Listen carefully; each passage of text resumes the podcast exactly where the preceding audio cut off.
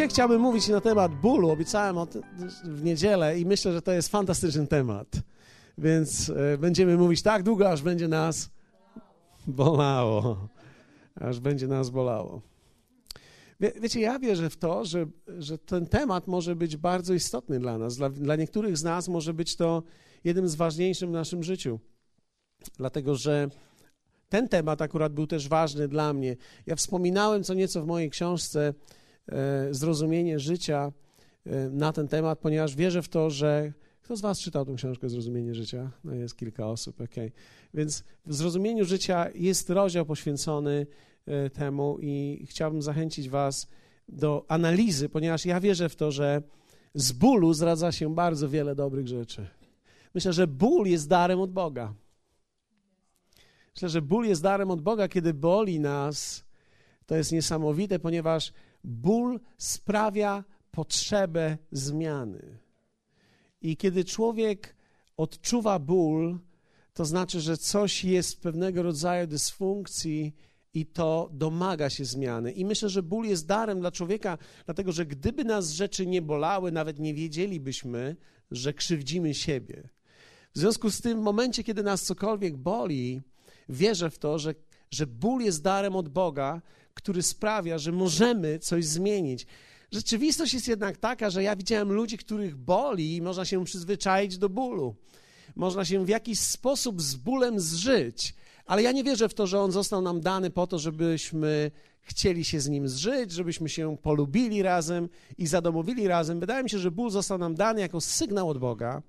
W jakimkolwiek miejscu odczuwamy ten ból, aby dokonała się przemiana. Chciałbym, żebyście zwrócili uwagę na świetny fragment z pierwszej kronik 4, 9, 10. Ten fragment był powodem tego, że jedna z książek, która powstała, stała się bestsellerem w Nowym Jorku. Nie wiem, jak to jest mieć bestseller w Nowym Jorku, ale um, popatrzycie na fragment, będziecie zaraz wiedzieli, o czym mówię. Pierwsza kronik 4, dwa wersety 9 i 10. Lecz Jabez był znakomitszy niż jego bracia i jego matka nazwała go Jabez, gdyż pomyślała, w bólu rodziłam. A Jabez wołał do Boga Izraela tymi słowy.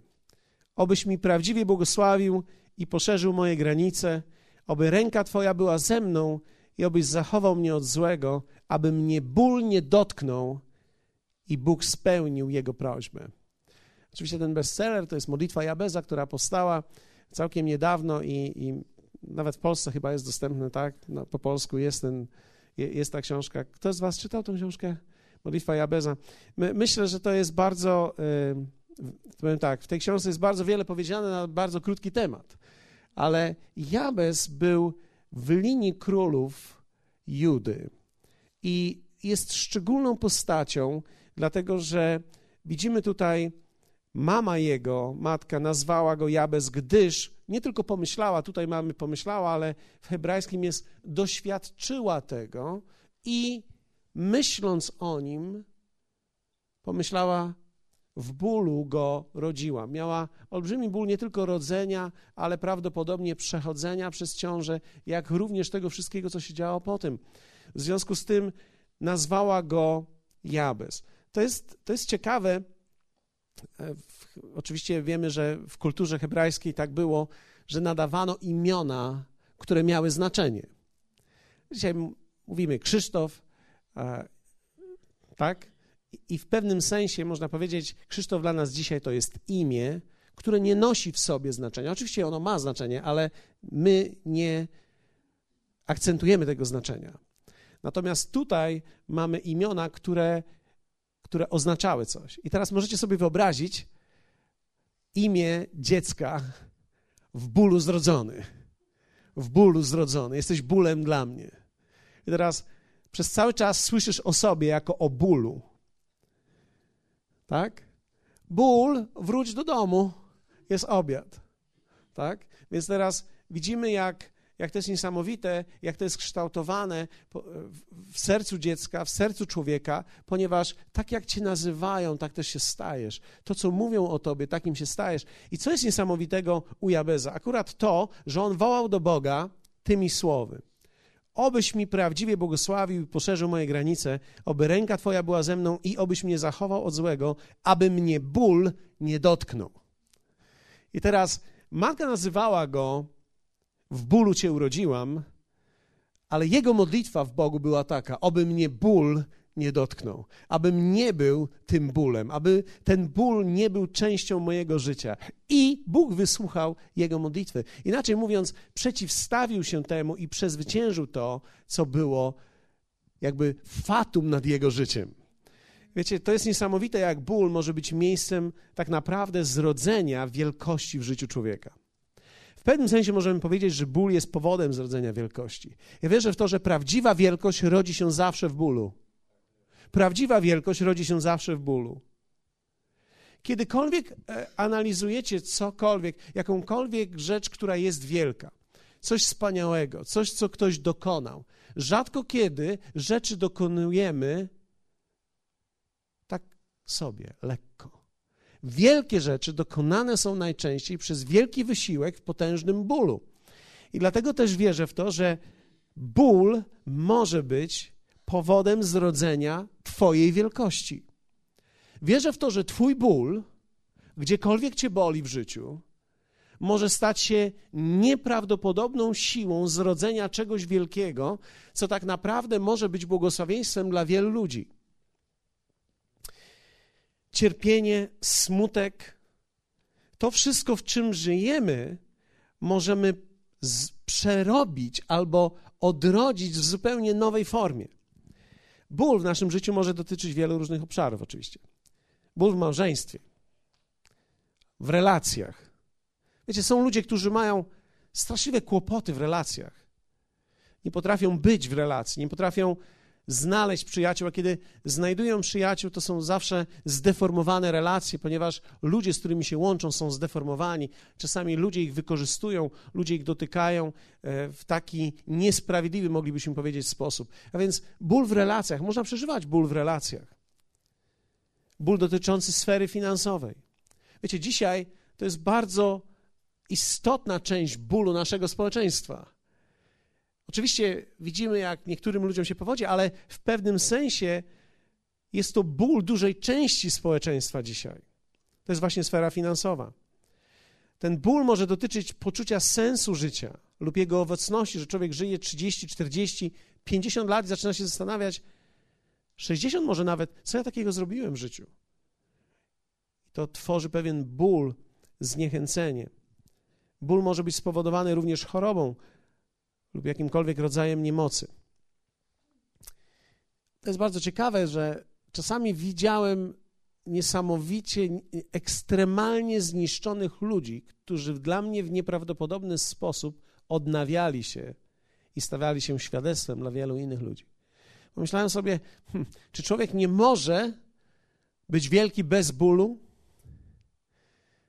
Okazuje się, że nie aż tak bardzo, ponieważ wielkość potrzebuje podstawy, aby się wybić. Wielkość sama z siebie się nie rodzi, wielkość potrzebuje podstawy, żeby się wybić, potrzebuje wielkiego motywu. Wielkość tworzy się na wielkim motywie, a wielki motyw potrzebuje często wielkiego bólu wewnątrz. Dlatego, że człowiek rzadko kiedy dokonuje wielkich rzeczy, kiedy mu się tylko tak coś chce. Coś tak po prostu chciałby a może bym zrobił to. No, może bym zrobił, może bym nie zrobił. Czasami wielkość rodzi się z tego, że człowiek nie może nic innego zrobić, jak tylko jeśli coś zrobi, to będzie to coś wielkiego. Inaczej mówiąc, wielkość potrzebuje wielkiego motywu, a wielki motyw często zrodzony jest z bólu. Może nawet nie tyle z bólu, ile wielki motyw rodzi się w bólu, dlatego że ból tworzy i masz zdolność tworzenia wielkiego marzenia, jak to będzie, gdy go nie będzie. I to tak nas ekscytuje, że jesteśmy w stanie coś wytworzyć, żeby tylko i wyłącznie odbić się od tego miejsca bólu. Pamiętam, jak wielokrotnie rozmawialiśmy razem z Walkiem, kiedy, kiedy rozmawialiśmy o ludziach, o alkoholikach, którzy chcą wyjść z nałogu. I okazuje się, że niektórzy ludzie chcą wyjść, ale tak jakby po drodze, robiąc wszystkie inne rzeczy. I bardzo mi się podobało, jak często e, Waldek rozmawia z kimś i, i rozmawia przez 15 minut i mówi: Nic z niego dzisiaj nie będzie, on jeszcze nie jest gotowy. E, ja, ja, ja, nie potrafiłem tego ocenić na początku, bo wydawało mi się, że ten człowiek chce wyjść z czegoś, ale on mówi: Nie, to nic z tego nie będzie. Jego, i, inaczej mówiąc, on mówił: Jego za mało boli. Jego za mało boli, nie ma w sobie motywu, on chciałby wyjść, ale aż tak bardzo to nie. Inaczej mówiąc, chciałbym wyjść z tego, w czym jestem, ale nie aż za taką cenę, bo wiecie, wyjście, wolność dla takiego człowieka to jest olbrzymia cena. I teraz, żeby zapłacić olbrzymią cenę, potrzebny jest wielki motyw. I żeby był wielki motyw, człowiek, który wyszedł z tego, widzi, czy tego człowieka naprawdę boli, czy on tak po drodze chciałby. Dlatego, że niektórzy ludzie mają tendencję do umniejszania swojego problemu, mówią tak, wszystko w moim życiu jest dobrze, tylko no, taka mała ludzka rzecz jest jestem, jestem alkoholikiem. No, taki drobiazg po drodze mi się przyczepił, ale to w zasadzie nie muszę pić, jak nie musiał. No, rozumiecie? I wtedy możemy powiedzieć tak, nie można pomóc takiemu człowiekowi, dlatego że człowiek musi być zdes zdesperowany, zdeterminowany, żeby wyjść z miejsca, w którym jest. Inaczej mówiąc, musi znaleźć motyw wystarczająco duży, żeby się z tego wybić. Wielkość potrzebuje podstawy do odbicia. W pewnym sensie niektórzy z nas przeżywają ból, ale jeszcze jest zbyt mały, żeby coś z tym zrobił. Ja pamiętam, e, ja pamiętam, kiedy analizowałem moje życie i w moim życiu było kilka elementów, które mnie bolały. na przykład, kiedy, pamiętam, kiedy doszedłem do miejsca bólu w długach. Jak wielu z Was wie o tym, że człowiek może nauczyć się żyć w długu? Ale w pewnym momencie zaczęło mnie boleć tak bardzo, i skoncentrowałem się na tym bólu tak bardzo, że wtedy zdecydowałem, że coś z tym zrobię. Ten ból długu był dla mnie tak wielki, że podjąłem wyzwanie, aby w końcu przestać pożyczać, żeby z tego wyjść. Co jest bólem samym sobie. Ci, którzy pożyczają, czy ci, którzy mają długi, to wiedzą o tym, że niepożyczanie to jest ostatnia rzecz, którą byś chciał przestać robić. Dlatego, że zadajesz pytanie, jak to zrobić, żeby żyć bez tego. Okazuje się, że nie można. Ale można. Tylko, że to będzie bolało. Będzie bolało strasznie. I kiedy to boli strasznie, jeśli cię nie boli twój dług wystarczająco, to nigdy z niego nie wyjdziesz ponieważ nie znajdziesz w sobie odbicia tej, tej determinacji, wystarczającego motywu, żeby z tego wyjść. Więc ból jest darem od Boga. Hallelujah. Dziękuję Wam za ten entuzjazm. 2 Koryntian 13, 4, 7 jest fragment, na którym chciałbym, żebyśmy skoncentrowali się chwilę. E, zaraz będziemy mówili o tym, w jaki sposób te, te marzenia, te miejsce poczęcia marzeń, bo taki jest mój temat, ból, miejsce poczęcia marzeń. Ja, ja myślę, że Twój ból dzisiaj, cokolwiek Cię boli, może być miejscem, w którym zacznie się Twoje marzenie i w którym jesteś w stanie odbić się do swojej wielkości. I tak jak mówiłem, wielkość to nie jest wielkość, gdzie będziesz popularny, będziesz w TVN-ie, będziesz w TBN-ie, czy jeszcze jakim innym na te. Wielkość to jest Twoja wielkość, gdzie Ty będziesz czuł, że jesteś w woli Bożej, że wypełniasz to, do czego Ciebie Bóg powołał i że sięgasz maksimum potencjału, który jest wewnątrz Ciebie. 2 Koryntian 13, 4, 7 czytamy. Choć bowiem ukrzyżowany został w słabości, lecz żyje z mocy Bożej, bo i my jesteśmy słabi w Nim, lecz będziemy żyć z Nim z mocy Bożej wśród Was. I teraz, poddawajcie samych siebie próbie, albo sprawdzajcie siebie samych, czy trwacie w wierze. Doświadczajcie siebie. Czy nie wiecie o sobie, że Jezus Chrystus jest w Was? I teraz, chyba żeście próby nie przeszli. I teraz próba, test, cierpienie, ból, z tego się wychodzi, w szczególny sposób i apostoł Paweł mówi tak: Czyż nie wiecie, że Chrystus jest w Was? I nagle mówi, że można tego nie wiedzieć, tak? Dopóki człowiek nie przejdzie próby. Dlatego, że kiedy człowiek przejdzie od miejsca bólu do wolności, wie, jak przeszedł, jak zwyciężył, jaką mocą zwyciężył, i wtedy jest w stanie wzmacniać innych ludzi. Z tego rodzi się służba, z tego rodzi się pomoc dla drugiego człowieka. Z Twojego bólu, kiedy go przejdziesz w wierze prawidłowo, nagle rozpoznasz, że Chrystus jest w tobie, bo będziesz wiedział, jaką mocą to dokonałeś. I wtedy będziesz w stanie pomóc wielu ludziom wokół siebie. Wtedy sięgniesz do tej wielkości, która zacznie przemawiać do ludzi. I wtedy będziesz miał autorytet dla ludzi i względem ludzi, tak że będą chcieli słyszeć Ciebie. Nie wszyscy, nie tłumy, niekoniecznie tysiące, nie setki, ale kilku najbliższych ludzi. A to wystarczy. Dlatego, że wiecie, my nie potrzebujemy, żeby jeden człowiek wyzwolił wszystkich. My potrzebujemy, żeby wielu ludzi wyzwalało wielu ludzi. Takie jest królestwo. Królestwo to jest połączenie wielu sił, wielu aspektów, wielu ludzi. Ja wierzę w to, że są ludzie wokół ciebie, którzy czekają na Twoje przejście prawidłowe bólu, aby chwycić to, co Ty masz i abyś Ty im pomógł. Dlatego dzisiaj Ciebie boli. Boli Ciebie po to, żebyś wyszedł z tego, w czym jesteś, żebyś przeszedł to właściwie i abyś był w stanie pomóc wszystkim innym ludziom, gdy to przejdziesz. Spodziewam się zaś, że dowiecie się, że i my przebyliśmy próbę, apostoł Paweł mówi a modlimy się do Boga o to, abyście nic złego nie czynili, nie dlatego, byśmy uchodzili za wypróbowanych, lecz abyście wy czynili to, co dobre, choćbyśmy mieli uchodzić za niewypróbowanych. Apostoł Paweł innymi słowy mówi tak, jeśli chodzi o moje życie, ja jestem wypróbowany. Czyli ja przeszedłem, ja przeszedłem przez ból, ból stał się dla mnie elementem odbicia ku mojej wielkości, dlatego piszę do was i mówię do was, ponieważ mam w sobie pewną kwalifikację, aby ci powiedzieć, co możesz zrobić, żeby wyjść z tego, w czym ty dzisiaj jesteś. Tak siejemy my pomoc ludziom, którzy są w świecie. Próba jest czasem bólu. Kiedy przeżywamy ból w różnych obszarach, przechodzimy próbę. Powiedzmy razem próba.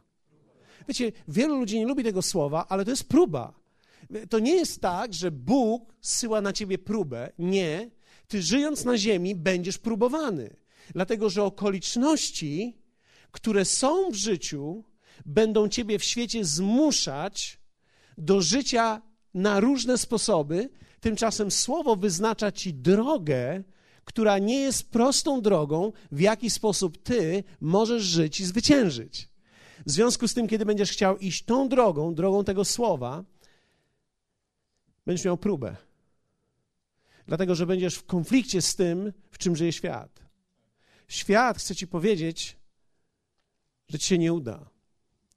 Świat chce ci powiedzieć, że tobie nie wyjdzie, że to jest tylko dla szczególnych, że to jest dla wyjątkowych, że to jest dla nielicznych. Słowo mówi, to jest dla ciebie. To jest dla ciebie. Bóg mówi, ja to przygotowałem dla ciebie. Nie jesteś tutaj przez przypadek. Ja ciebie powołałem. Jesteś moim, moim dzieckiem.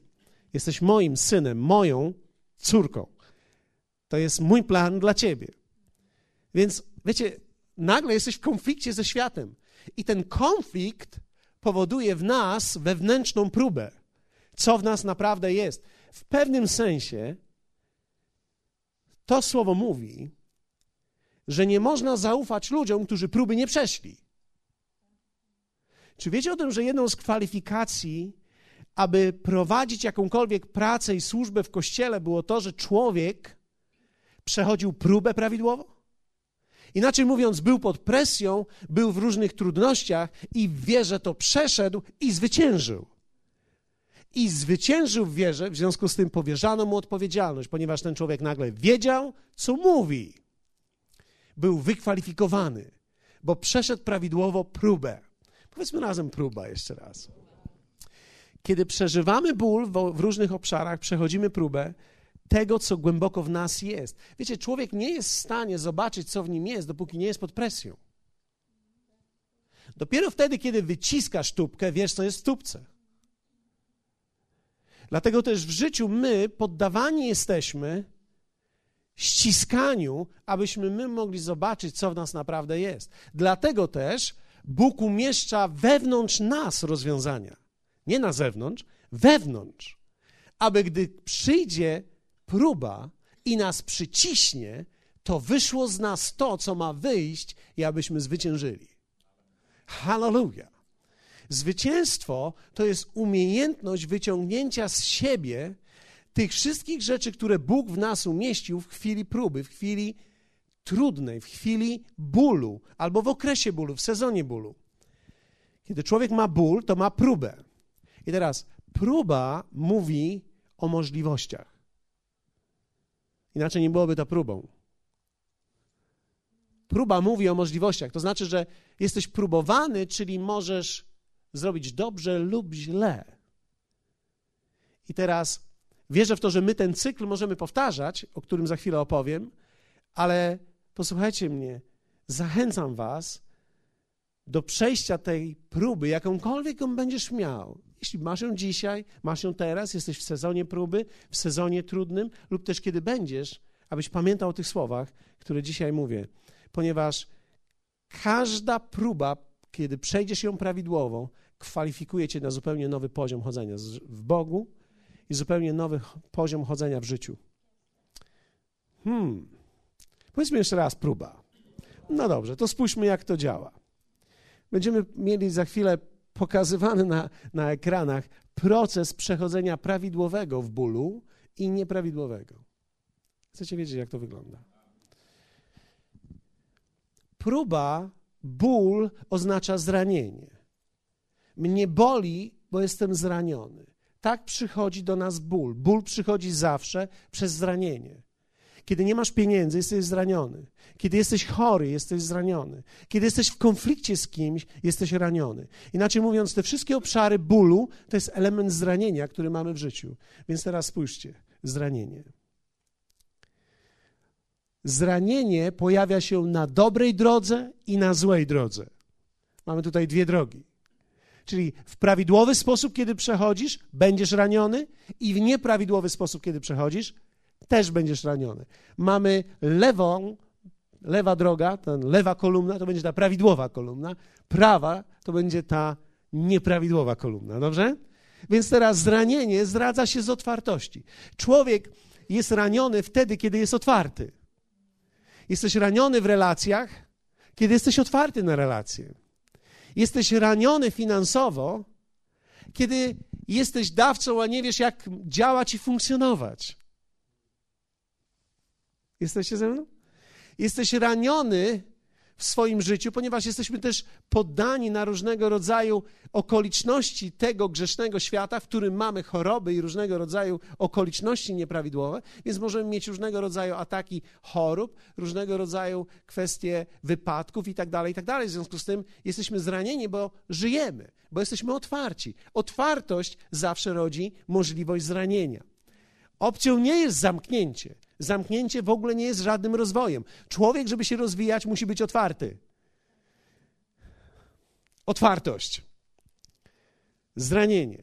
No i teraz, co się dzieje, kiedy człowiek jest zraniony?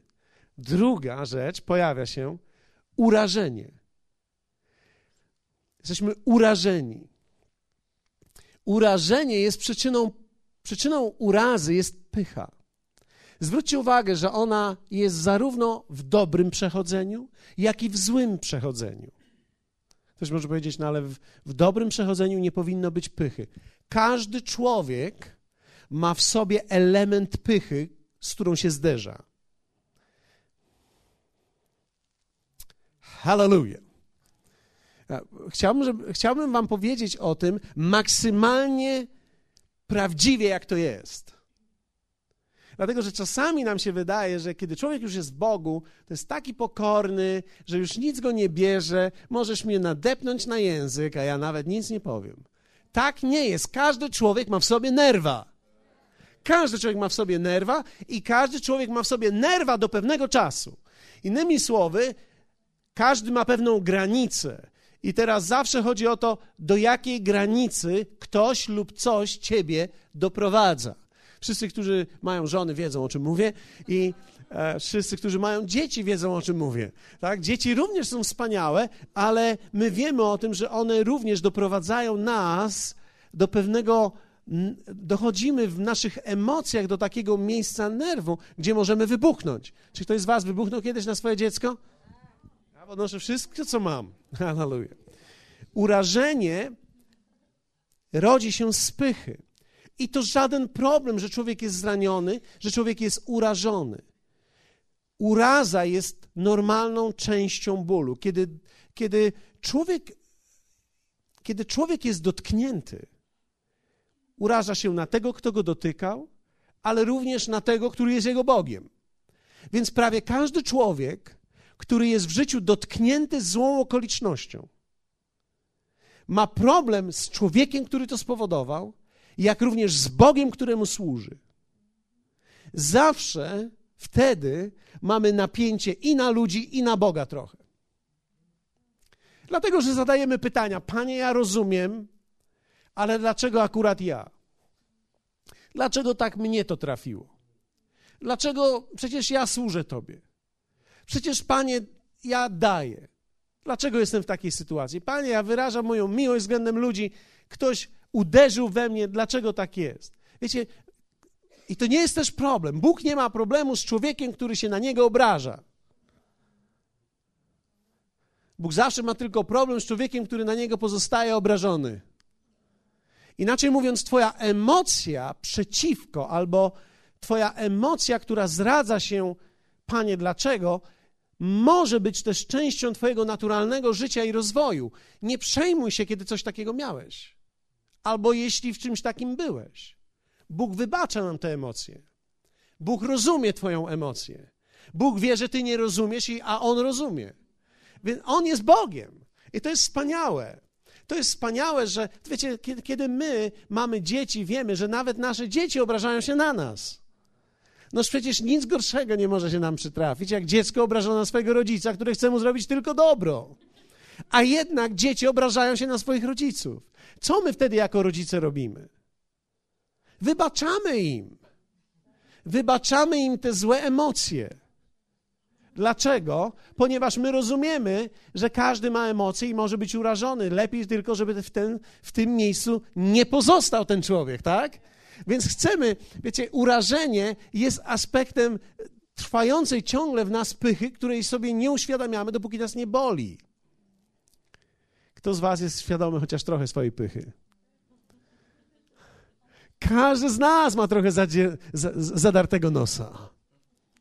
I oczywiście, że my nie staramy się nosić go zadartego, ale mamy zadarte nosy. I to jest kwestia pewnego momentu w życiu kiedy rozpoznajemy to. Ale teraz tutaj zaczyna się rozjazd na prawidłowe przejście bólu i wyjście z niego, przejście przez tą złą okoliczność i też nieprawidłowe. Mianowicie prawidłowe to jest to, że kiedy człowiek rozpoznaje, że jest urażony, nagle zaczyna proces upamiętania. I to jest wynik pokory, która zaczyna być silniejsza w nim niż ta pycha, i zaczyna być świadomy tej pychy w sobie. Straciłem coś, zbankrutowałem, ukradli mi samochód, cokolwiek mnie boli w życiu, mam ciągłe problemy finansowe, ciągłe problemy z moim zdrowiem. Kiedy powstała we mnie pycha, kiedy moje marzenia czuję, że nie są wypełniane, powstaje we mnie uraza, ale jestem świadomy tego urażenia i nie chcę w nim pozostać. I myślę sobie, mój Boże, przecież Ty jesteś większy, Ty wiesz. Ty możesz mnie poprowadzić, więc ja przychodzę do Ciebie i uniżam się przed Tobą. Proszę Cię, przemień mnie. I to jest moment upamiętania, który jest tak naprawdę kluczowym momentem wynikającym z pokory, która jest silniejsza w tym człowieku niż ta pycha. A drugi człowiek z urażenia trwa dalej w tej pysze i mamy tam pycha CD, inaczej mówiąc, pycha na CD, albo ciąg dalszy, ja to chciałem napisać, czyli mamy zgorzknienie. Człowiek, który trwa w swoim uporze, w swojej pysze, zaczyna dochodzić do miejsca zgorzknienia i goryczy w sercu. I to jest bardzo ciężki stan. Apostoł Paweł opisuje go jako korzeń, który rośnie, który kala wszystko, który niszczy wszystko. To, co próbowałeś zbudować, przez ten korzeń, który rośnie w górę, jest poniszczone. To wszystko, cokolwiek zostało uczynione, jest zniszczone. Wyobrażacie sobie, to jest tak jak na pięknym polbruku, który ułożyłeś, nagle wychodzi jakiś korzeń, którego nie zauważyłeś, i on zaczyna rozpychać całą Twoją budowlę. I wierzę w to, że Wiecie, trwanie w pysze jest straszne. Dlatego że ono doprowadza nas dalej do gorszych rzeczy, ale mam nadzieję, że wszyscy poczujecie to. Urażenie nie jest problemem, gdy nastaje po nim upamiętanie. Co to jest upamiętanie? To jest, ja sobie uświadamiam, hej, boli mnie, jest mi ciężko, ale przecież to nie jest wina Boga. No, no na miłość boską to nie Jego wina. Na miłość boską, no przecież to nie jest Jego wina. Czyli to nie jest Boża wola, żebym ja cierpiał. Prawdopodobnie coś się dzieje w moim życiu, czego ja nie wiem, ale On jest moim Bogiem i On mi pomoże, On mnie wyciągnie z tego. Wyciągnął wielu ludzi, wyciągnął Dawida, wyciągnął wielu ludzi przede mną. On jest Bogiem, który wyciąga, więc ja chwycę go, ja przyjdę do niego, przybliżę się do niego. I to jest niesamowite, kiedy człowiek w upamiętaniu, kiedy człowiek w pokorze przychodzi do Boga. Wiecie, to jest kolejna rzecz, która się dzieje, kiedy człowiek jest i trwa w pokorze. To jest kolejny element, który zaczyna się, to jest szukanie. Kiedy człowiek trwa w pokorze, zaczyna szukać.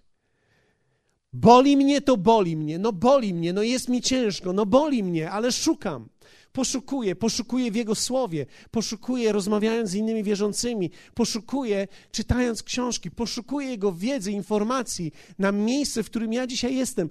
Czy, czy jest wyjście z mojej sytuacji? Czy z mojej sytuacji jest wyjście? Czy jest wyjście z samotności? Czy jest wyjście z mojego nałogu? Czy jest wyjście z mojej klęski, w której jestem? Z mojej nieumiejętności? Czy jest wyjście? Tak, jest wyjście. Ale człowiek musi szukać, poszukiwać tego, zaczynasz czytać, zaczynasz działać. To jest trwanie w pokorze. Człowiek jednak, który dalej żyje w pysze, no niestety po zgorzknieniu przychodzi zobojętnienie. Kiedy człowiek jest zgorzkniony, kiedy ten korzeń wszedł i zniszczył wiele elementów, tych, których wcześniej zbudowałeś, nagle przychodzi zobojętnienie. Już mi jest wszystko jedno. Już mi jest wszystko jedno, bo już wiem, jakie jest życie. Życie jest byle jakie. Życie jest niesprawiedliwe. Ludzie są niesprawiedliwi. Bóg jest, nie, nie, można go poznać, nie można go zrozumieć. Ja nie rozumiem, nie wiem o co chodzi. Wiecie, jest zobojętnienie. Zobojętnienie to jest efekt samoprotekcji. Człowiek chce się ochronić żeby go nie bolało, więc jestem obojętny. Gram obojętnego. Bóg mi jest obojętny, Kościół jest mi obojętny, Słowo jest mi nagle obojętne. Nie przesadzajmy z tym. Co z moim życiem? Wiecie, ja zawsze, e, zawsze z troską słucham ludzi, którzy dali część swojego życia w Bogu, a za chwilę mówią, a teraz teraz jest czas na mnie, bo co z moim życiem? Ja się zastanawiam, okej, okay, to co dawałeś, to co to było wtedy? To, było, to byłeś ty, dawałeś siebie jemu, czy próbowałeś kupić coś? Bo wiecie, jeśli człowiek naprawdę siebie daje jemu, to to jest też całe twoje życie. Nie możesz powiedzieć, a teraz co z moim życiem? Ponieważ nie było wtedy i teraz, jest cały czas. Cały czas Jemu służę, cały czas za Nim idę, cały czas Go poszukuję, cały czas On ma być odpowiedzią dla mnie. Ale ci, którzy żyją w zgorzknieniu, dochodzi do zobojętnienia. Stają się rzeczy im, które wcześniej były dla nich wartościowe, obojętne. Obojętne zaczyna być słowo, przechodzisz obok Biblii, Biblii. Wiele mądrości, któż to poznał. Myślisz sobie, spotkanie w kościele, hmm, nie mam już dzisiaj tyle czasu, w końcu muszę się zająć moim życiem. Wiecie, nie masz już czasu na swoich bliskich, których miałeś w relacji, swoich przyjaciół i tak dalej, i tak dalej. Jest zobojętnienie. I w końcu zobojętnienie doprowadza nas w konsekwencji do, zobaczmy, do oddzielenia. Dlaczego? Ponieważ dopóki nie jestem oddzielony, Biblia, Kościół, życie Boże, ludzie wierzący są dla mnie nagle wyrzutem sumienia. Są nam, dla mnie nagle symbolem wszystkiego, czego ja chcia, co chciałem, a czego nie mam. W związku z tym bez nich będzie mi lżej. Ponieważ kiedy przychodzę, kiedy słyszę, odżywa to we mnie. A ja nie chcę, żeby to odżywało, bo odżywa we mnie, co odżywa? Moje zgorzknienie, moje urażenie, bo sobie z tym nie poradziłem. Widzicie to? To nie zostało uleczone, nie poradziłem sobie z tym, więc to odżywa we mnie. Więc Kościół kiedyś był dla ciebie miejscem rozwoju, miejscem e, jakiegoś nieprawdopodobnego doświadczenia. Przychodziłem, miałem pasję i chciałem czegoś, a nagle staje się miejscem przypominania o całej tym bólu, który gdzieś noszę w sobie. Więc muszę się oddzielić bo teraz będzie lżej bez. Ale ci, którzy szukają znowu, Ha, trwanie w pokorze i szukanie sprawia, że ci ludzie zaczynają mieć objawienie. Ponieważ kiedy szukasz, kiedy szukasz Pana, znajdujesz odpowiedź. Nagle widzisz, że jesteś w bólu, widzisz, że jesteś w sytuacji trudnej. I teraz, tak, kiedy mówię ból, to, to, to są różne obszary, tak? Relacje, finanse, choroba, cokolwiek, ale nagle masz objawienie w tej kwestii. Wow, Boże Słowo mówi tak. Więc ja teraz to Boże Słowo wzbudza we mnie wiarę, żebym mógł z tego wyjść. Nie tylko nadzieję, ale wiarę. Dostaję instrukcje w tym słowie, jak mam z tego wyjść. Dostaję instrukcje od innych ludzi. Nagle okazuje się, że inni ludzie też przechodzili przez rzeczy, przez które ja przeszedłem. Okazuje się nagle, że są książki napisane, gdzie ktoś przeszedł przez coś i może dzisiaj mi pomóc przez tą książkę. Ktoś nagrał płytę i powiedział o tych wszystkich rzeczach i tych bólach, przez które on przeszedł i nagle on z tego wyszedł i ja dostaję tą płytę płytę, dostaję tą książkę i nagle, dlaczego ją dostaję? Bo szukam. Kiedy jesteś poszukujący, nagle przychodzą materiały do ciebie, dlatego że Bóg ciebie chce wyposażyć w to miejsce, w te narzędzia, abyś wyszedł z tego miejsca, w którym jesteś. Wiecie, pamiętam jak Sherman Owens mówił to, on to powtarzał po Marku Mordoku, ale to jest genialne słowo. Kiedy uczeń jest gotowy, pojawia się nauczyciel. Inaczej mówiąc, w momencie, kiedy człowiek jest gotowy, żeby wyjść z miejsca, w którym jest, pojawiają się ludzie, którzy ci pomogą pomagają. Nagle pojawia się książka, nagle pojawia się płyta. Wiecie, to jest nieprawdopodobne, jak wielu ludzi wyszło z dna swojego życia przez płyty tutaj, z tego kościoła bo ktoś im przez przypadek je wysłał. I za każdym razem, kiedy jadę, jutro jadę do Bydgoszczy. Jutro mamy konferencję w Bydgoszczy. Wcześniej byłem w Gdyni. Wiecie, to jest niesamowite, ale podeszła do mnie kobieta. Wysiadałem w Gdyni, zaparkowałem przed kościołem, zamknąłem drzwi. Podeszła do mnie kobieta i powiedziała do mnie tak: Pastorze, e, chcę, żebyś tylko wiedział o jednej rzeczy. Przeszłam przez piekło w moim życiu. I gdy byłam w samym środku tego piekła, ktoś dał mi Twoją płytę. I to było tak, że jakby ktoś dał mi kawałek nieba i pomogło mi to przejść przez moje piekło. Wyszłam i dzisiaj jestem w zupełnie innym miejscu mojego życia. Wiecie? To nie jest moja zasługa. Chciałem, żebyście to dobrze zobaczyli. To jest Bóg we wszystkim. Od początku do końca. Dlaczego? Ponieważ to była osoba, która przechodziła przez piekło, ale prawdopodobnie nie zgorzkniała, nie zobojętniała, nie oddzieliła się, ale w, w upamiętaniu i w pokorze szukała dalej. I kiedy szukała, Bóg mówi: Hej, ja ją znajdę. Podsunął jej jedną płytę, podsunął jej drugą płytę, podsunął jej stronę internetową, i nagle, co się zaczęło dziać, jej życie zaczęło się zmieniać. Dlatego, że Bóg zawsze cię wyposaży, kiedy będziesz go szukał. Kiedy ty będziesz go szukał i poszukiwał jego odpowiedzi, on zawsze da ci tą odpowiedź. On nigdy nie daje odpowiedzi arogancji. Dlatego, że kiedy człowiek jest arogancki, Bóg milknie. Ale kiedy człowiek zaczyna zadawać prawidłowe pytania i poszukuje z desperacją, Bóg uruchamia wszystkie możliwości, żeby Tobie pomóc w narzędziach, których potrzebujesz. I przychodzi objawienie, i to jest owoc ducha. I kiedy przychodzi objawienie, wychodzisz przez objawienie i przez wiarę i poprzez działanie. I oczywiście cały ten proces, który jest potrzebny po objawieniu. Ale wiecie, co wtedy się rodzi? Ostatnie? Rodzi się marzenie. Rodzi się służba. Dlatego, że kiedy przez objawienie, wiarę, działanie wyszedłeś z miejsca,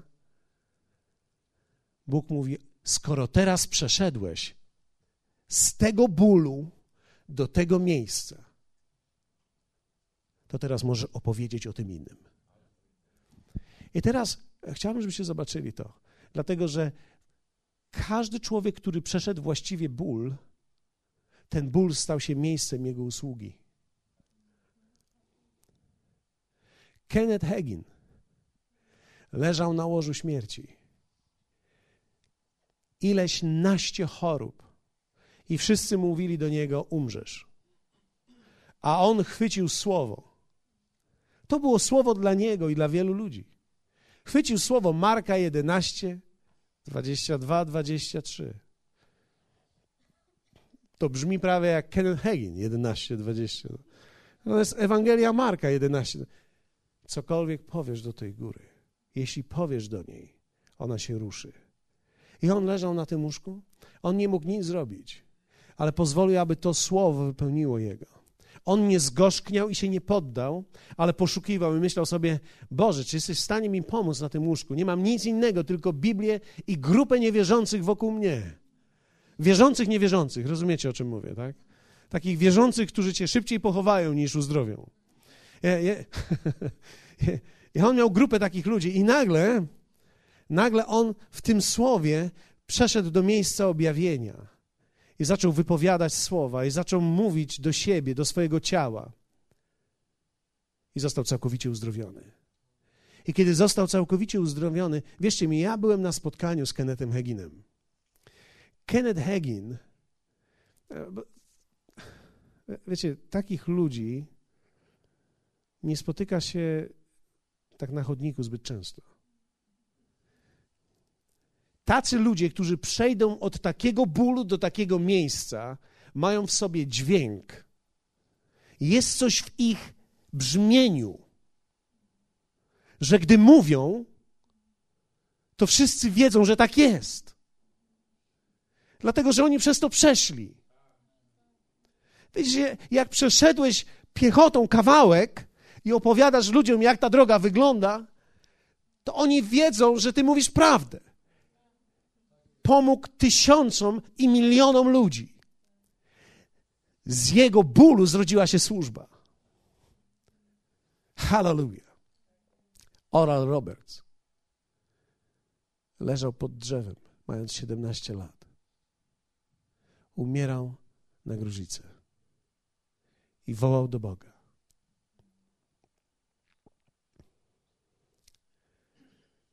i przez wiarę pochwycił uzdrowienie.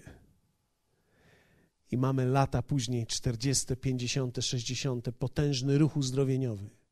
Namioty wypełnione tysiącami ludzi. Ola Roberts odszedł niedawno do Pana, w zeszłym roku. Pod koniec 2.9 albo na początku 2.10 do końca swoich dni, mówi, za każdym razem, kiedy modlę się, czuję jak ogień idzie przez moją dłoń. Dlaczego? Ponieważ Twój ból, Jego ból stał się miejscem i zrodzeniem Jego marzenia. On powiedział: Ja wierzę w miasto uzdrowionych i wierzących ludzi. I zbudował miasto w praktyce szpitale, wielkie, potężne budynki i Uniwersytet Rola Robertsa, jeden z najbardziej uznawanych uniwersytetów w Stanach Zjednoczonych, gdzie o uzdrowieniu mówi się non-stop. Dlaczego? Ponieważ to, co jest bólem, staje się służbą. To, przez co ty przechodzisz dzisiaj, prawdopodobnie może być nieprawdopodobnym znowu objawieniem dla innych ludzi. Dlatego każdy, kto przejdzie przez coś, to tworzy niesamowite życie. Wiecie, ja nie będę, kończę już, chociaż nie zrobiłem wiele jeszcze, ale, ale wiecie, ja obserwowałem moje życie. Moje niemożności bolały mnie. Nie wiedziałem, co mam zrobić, wiedziałem, gdzie mieszkam, w tym kraju nie da się nic zrobić. Zaczynałem, zaczynałem służbę jako nauczyciel, później zostawiłem pracę tą zawodową nauczyciela i zacząłem być pastorem kościoła. W pewnym sensie zbyt wcześnie, bo kościół nie był gotowy, żeby mnie utrzymać, ale to było, Pan w tym był. Dlatego, że ja musiałem przejść biedę. Wiecie, prawdopodobnie nie biedę taką jak w Zambii czy, czy gdzieś w Afryce, ale, ale taki rodzaj upokorzenia, który dla mnie był dużym upokorzeniem. Wiecie, na czym polegało to duże upokorzenie? Dlatego, że ja mówiłem o czymś wielkim. A musiałem wracać do mojej rzeczywistości, która była nieporównywalnie mała w stosunku do tego, co sam nawet wtedy głosiłem. Ale wiecie, ten mój ból wtedy sprawił, że ja po nocach studiowałem to po nocach studiowałem Słowo, siebie i Boga. Dzisiaj dalej studiuję, ale już nie tak po nocach. Ale ten mój ból wtedy zaowocował tym, że ja mogłem nagle rozwinąć moje życie ku owocności i poznałem ją. Poznałem owocność. Poznałem, jak to wyjść z długów. Poznałem, jak, jak zbudować małżeństwo, gdy nigdy nie widziałem zdrowych relacji nigdzie. Wiecie, ja miałem wspaniałą rodzinę, wszyscy się kochali, tylko wszyscy źle żyli. Znaczy, mam nadzieję, że mnie rozumiecie, niezgodnie ze słowem w ogóle. Więc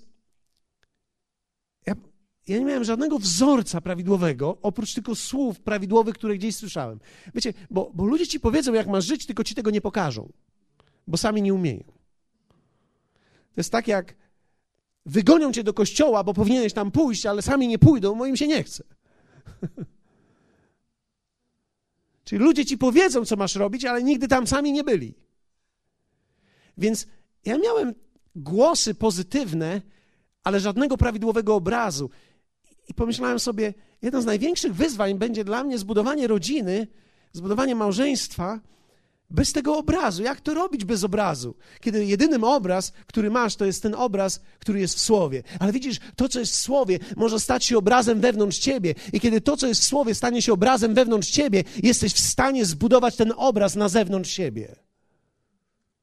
I to, co było słabe w moim życiu, nagle stało się mocne w moim życiu. Zwróćcie uwagę, że to, co jest najczęściej, to, co było w tobie słabe, jeśli zwyciężyłeś nad tym, staje się to najmocniejsze w tobie. Dlatego ja dzisiaj wiem, Wiem, jak to jest żyć bez, żyć w długu, żyć w cierpieniu, a z drugiej strony wyjść z tego. Ja znam receptę. Wiecie, prawdopodobnie nigdy, nigdy, prawdopodobnie nie zostanę wielkim uzdrowieniowym ewangelistą. Ja wierzę w uzdrowienie, ale prawdopodobnie nigdy nie będę taki. Dlaczego? Bo to nie był ból mojego życia. To nie był ból, który był we mnie. Przez ten ból nie, nie zostałem przeprowadzony, ale był ból, przez który zostałem przeprowadzony, w którym mam największe namaszczenie, najsilniejszy rodzaj. I dlatego potrzebujemy ciała. Ciała. Dlaczego? Ponieważ jeden człowiek miał jeden ból i może usłużyć jedną rzeczą. Ale wielu ludzi ma wiele bólu. I gdy przejdą go prawidłowo, mogą usłużyć bardzo wielu rzeczom. Wierzę w to, że Twój ból może stać się częścią witalną budowania kościoła, ponieważ ten Twój ból usłuży komuś, ludziom, którzy są wokół Ciebie, a być może nawet ludziom, którzy są poza Tobą. Dzisiaj stanąłem naprzeciwko mapy Wszedłem do biura i stanąłem naprzeciwko wielkiej mapy całego świata. No to nie jest dobrze wtedy. Stanąłem i pomyślałem sobie tak. Jeny, jaki ten świat jest wielki. Pomyślałem sobie i mówię tak do tych, którzy tam byli. Mówię, słuchajcie, a jakbyśmy tak wybrali sobie jakiś. Mówię tak, ja, ja nie umiem wszystkiego w życiu. Ja, ja nie wiem wszystkiego, ale wiem, jak się wydobyć z dna. Jakbyśmy znaleźli na tym świecie wszystkich tych, którzy gdzieś są na dnie i pomogli im wyjść z tego dna. Zostawmy uzdrowienie tym, którzy przeszli przez uzdrowienie. Zostawmy wszystkie inne rzeczy tym, którzy przez to przeszli, było ich bólem. Ale ja chciałbym znaleźć na tym całym globie te miejsca, gdzie ludzie są na dnie. Patrzyłem na Mongolię, patrzyłem na, patrzyłem na e, Amerykę Południową, na te ich zachodnie kraje. I myślałem sobie, tam ludzie źle żyją. I wtedy Beatka oczywiście mnie obudziła z mojego snu i z mojego marzenia. I powiedziała, pastorze, żeby to zrobić, to wszystko, o czym mówisz, potrzebujemy dużo pieniędzy.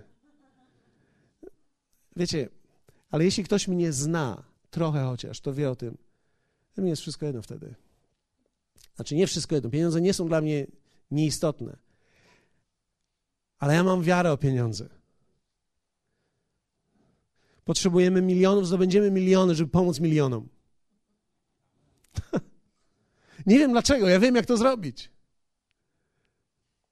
Jeszcze tego nie mam teraz, ale ja wiem, jak to zrobić. Prawdopodobnie na koniec tak poproszę was o to. A, a, ale ma, mam nadzieję, że mnie rozumiecie. Mam nadzieję, że mnie rozumiecie. Twój ból sprawia, że kiedy go przeszedłeś właściwie, szukasz ludzi którym się to przyda. Pamiętam, jak po raz pierwszy pojechałem do Albanii, kiedy zobaczyłem takich ludków, jak my byliśmy. Myśmy bunkrów, co prawda, nie budowali jak oni te, przed, przed tym całym światem zewnętrznym, ale kiedy zobaczyłem Albańczyków i oni przez te wszystkie lata myśleli, że są najbogatszym krajem na świecie. Nie mieli nic. Za osłami chodzili i pletli im kitki.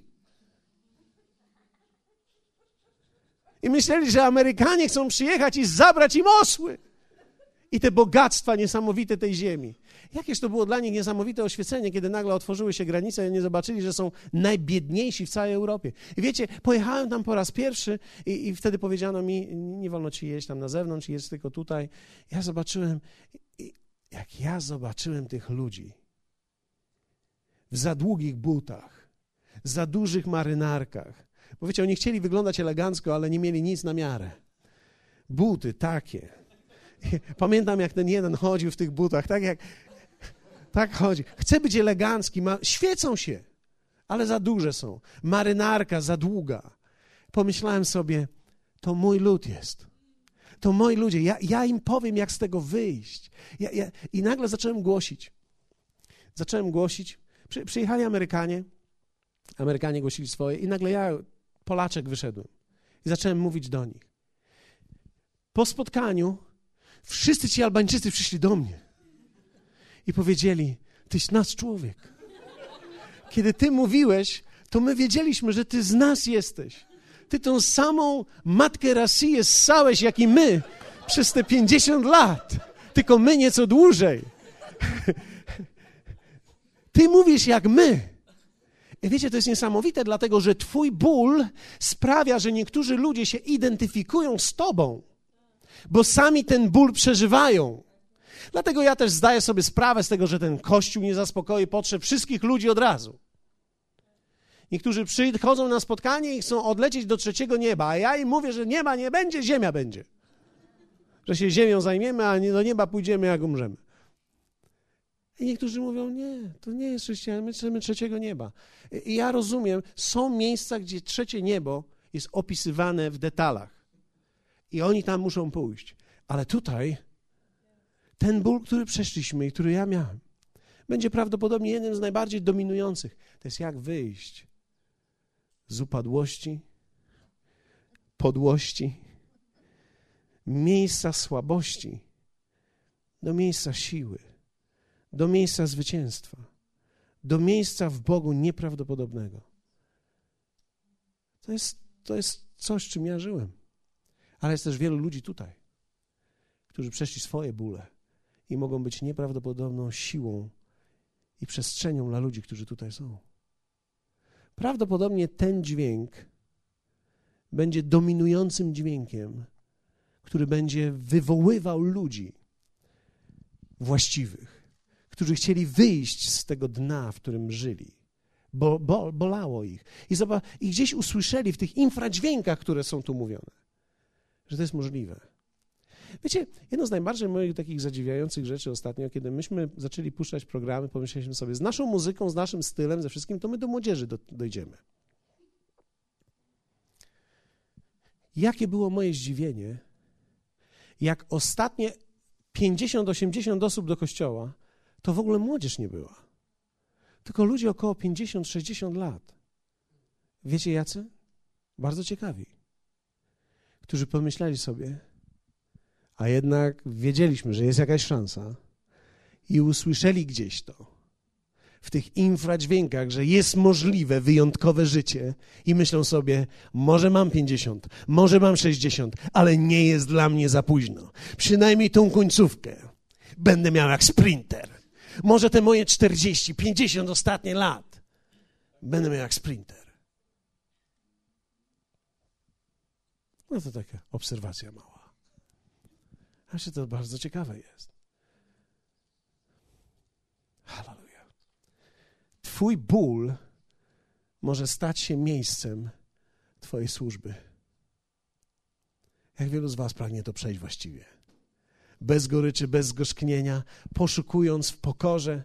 Wiecie, czasami możesz dojść, że rzucisz Biblią o ziemię, do takiego miejsca. No, nie ma z tym, Bóg nie ma z tym problemu. Tak długo, jak ją w końcu podniesiesz. i powiesz: Panie, naucz mnie swojego słowa, jestem całkowitym ignorantem i nic nie rozumiem. Proszę Cię, objaw mi siebie, pokaż mi siebie. Spraw, żebym nie zgorzkniał, nie wyzwał całego świata i nie umarł w cierpieniu.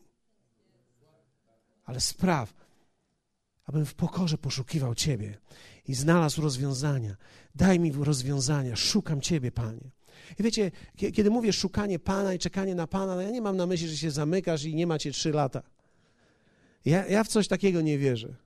Ja wierzę w to, że kiedy poszukujemy Go, poszukujemy Go w Słowie, poszukujemy Go wśród ludzi, poszukujemy Go w materiałach, poszukujemy Go w publikacjach. Wiecie, ja wierzę w to, że dzisiaj na potrzebę, którą Ty masz, już jest wydrukowana książka. Po polsku. Wierzę w to, że nawet w naszej księgarni jest książka, która może Ci pomóc w miejscu, w którym dzisiaj jesteś, tylko Ty o tym nie wiesz. Tylko Ty o tym nie wiesz. Idziesz, patrzysz i szukasz książki, która ma obrazki. Wiesz, jak ma za dużo treści, jest za gruba, to jest nie dla mnie.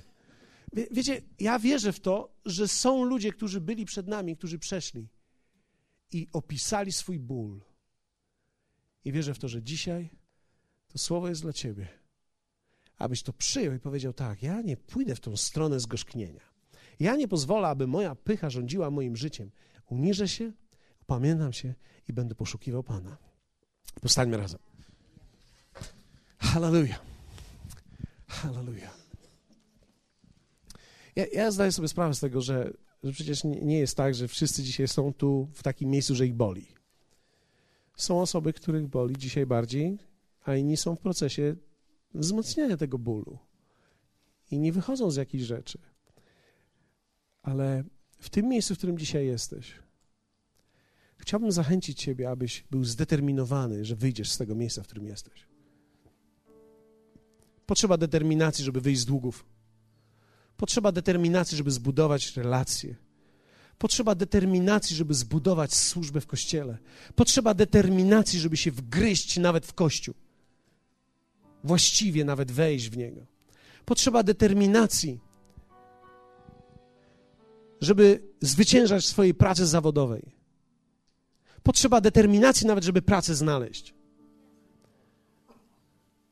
Wiecie, gdybym dzisiaj nie miał żadnej pracy, poszedłbym do McDonalda. Ktoś może powiedzieć, a, a, a po co ci to? Przecież to tak mało płacą. Tam bym przynajmniej patrzył na ludzi i oni by mnie budowali. A być może obsługując kogoś właściwie, on by mnie rozpoznał i zatrudnił. Dlatego, że Bóg nie może poruszać czegoś albo kogoś, kto się nie rusza. Bóg może kierować kimś, kto podejmuje wysiłek i wyzwanie.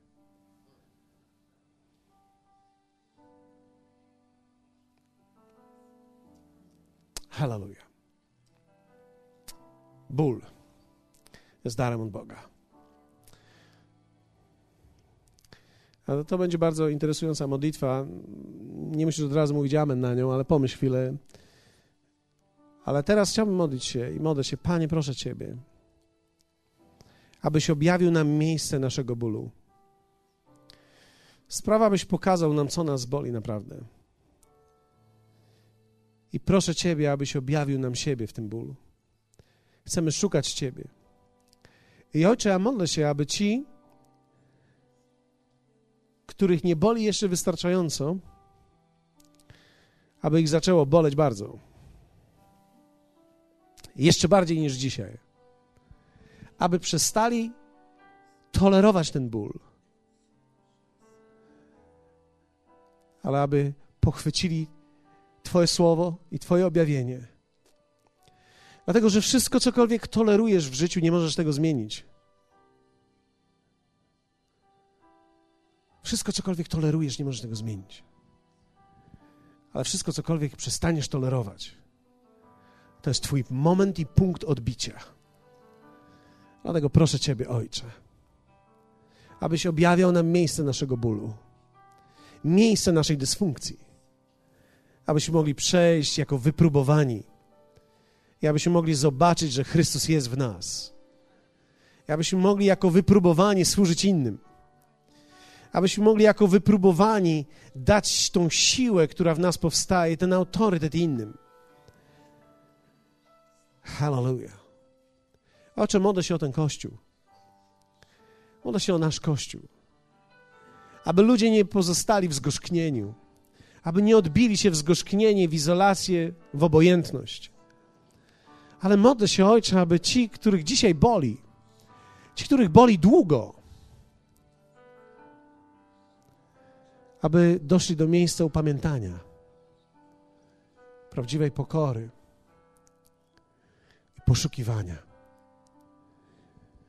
A kiedy już przejdą, aby byli tymi, którzy zachęcają. Hallelujah. Wie, wiecie, zbyt długo w kościele naobserwowałem się tego, że ci, którzy byli najdłużej, później siadają najdalej. Stają się coraz bardziej cyniczni, stają się coraz bardziej wątpiący, w końcu oddzielają się. A z przodu siadają tylko młode szczawie, które jeszcze nic nie wiedzą. Ja myślę, że jeśli uda nam się, posłuchajcie Kościele, mówię teraz do Was jako pastor, jeśli uda mi się, jeśli uda nam się wspólnie przełamać ten nieprawidłowy cykl poprzez naszą determinację, że coś zrobimy prawidłowego z bólem, będziemy widzieć ludzi z przodu silnych, dojrzałych, wierzących, którzy będą mogli pociągnąć za sobą dziesiątki i setki młodych, którzy dopiero przychodzą. Będziemy bardziej śpiewać niż oni. Będziemy głośniejsi w uwielbieniu niż oni. Będziemy bardziej rozentuzjazmowani niż oni. Bo myśmy już przeszli i zwyciężyliśmy. I możemy im powiedzieć o dobrym Bogu, który żyje i trwa. Hallelujah. Wiecie, i tu wcale nie chodzi o to, żeby dziesiątki czy setki takich ludzi było. Jeśli jeden, drugi, trzeci dołączy się, to dwunastu ludzi wystarczy, aby zmienić ten kraj, aby zmienić to miasto. Dwunastu ludzi dojrzałych, piętnastu, siedemnastu, dwudziestu dwóch, wcale nie 150 ani nie 230. Każdy pojedynczy, kto się dołącza do tego, kto po latach mówi: Nie, ja pójdę w pokorze i przełamię to. A, zbudujemy coś wyjątkowego, bo mamy szansę, kościele. Mamy w dalszym ciągu szansę. Kościół nie jest budowany tylko przez tłum, który przychodzi. Kościół jest budowany przez każdego pojedynczego, który właściwie przechodzi. I zbudujemy wtedy coś wyjątkowego. Nie dla nas, nie dla mnie, nie dla naszej chwały, nie dla naszych imion, nie dla naszych pozycji, ale dla ludu, który powstaje, dla kolejnych pokoleń, które powstają.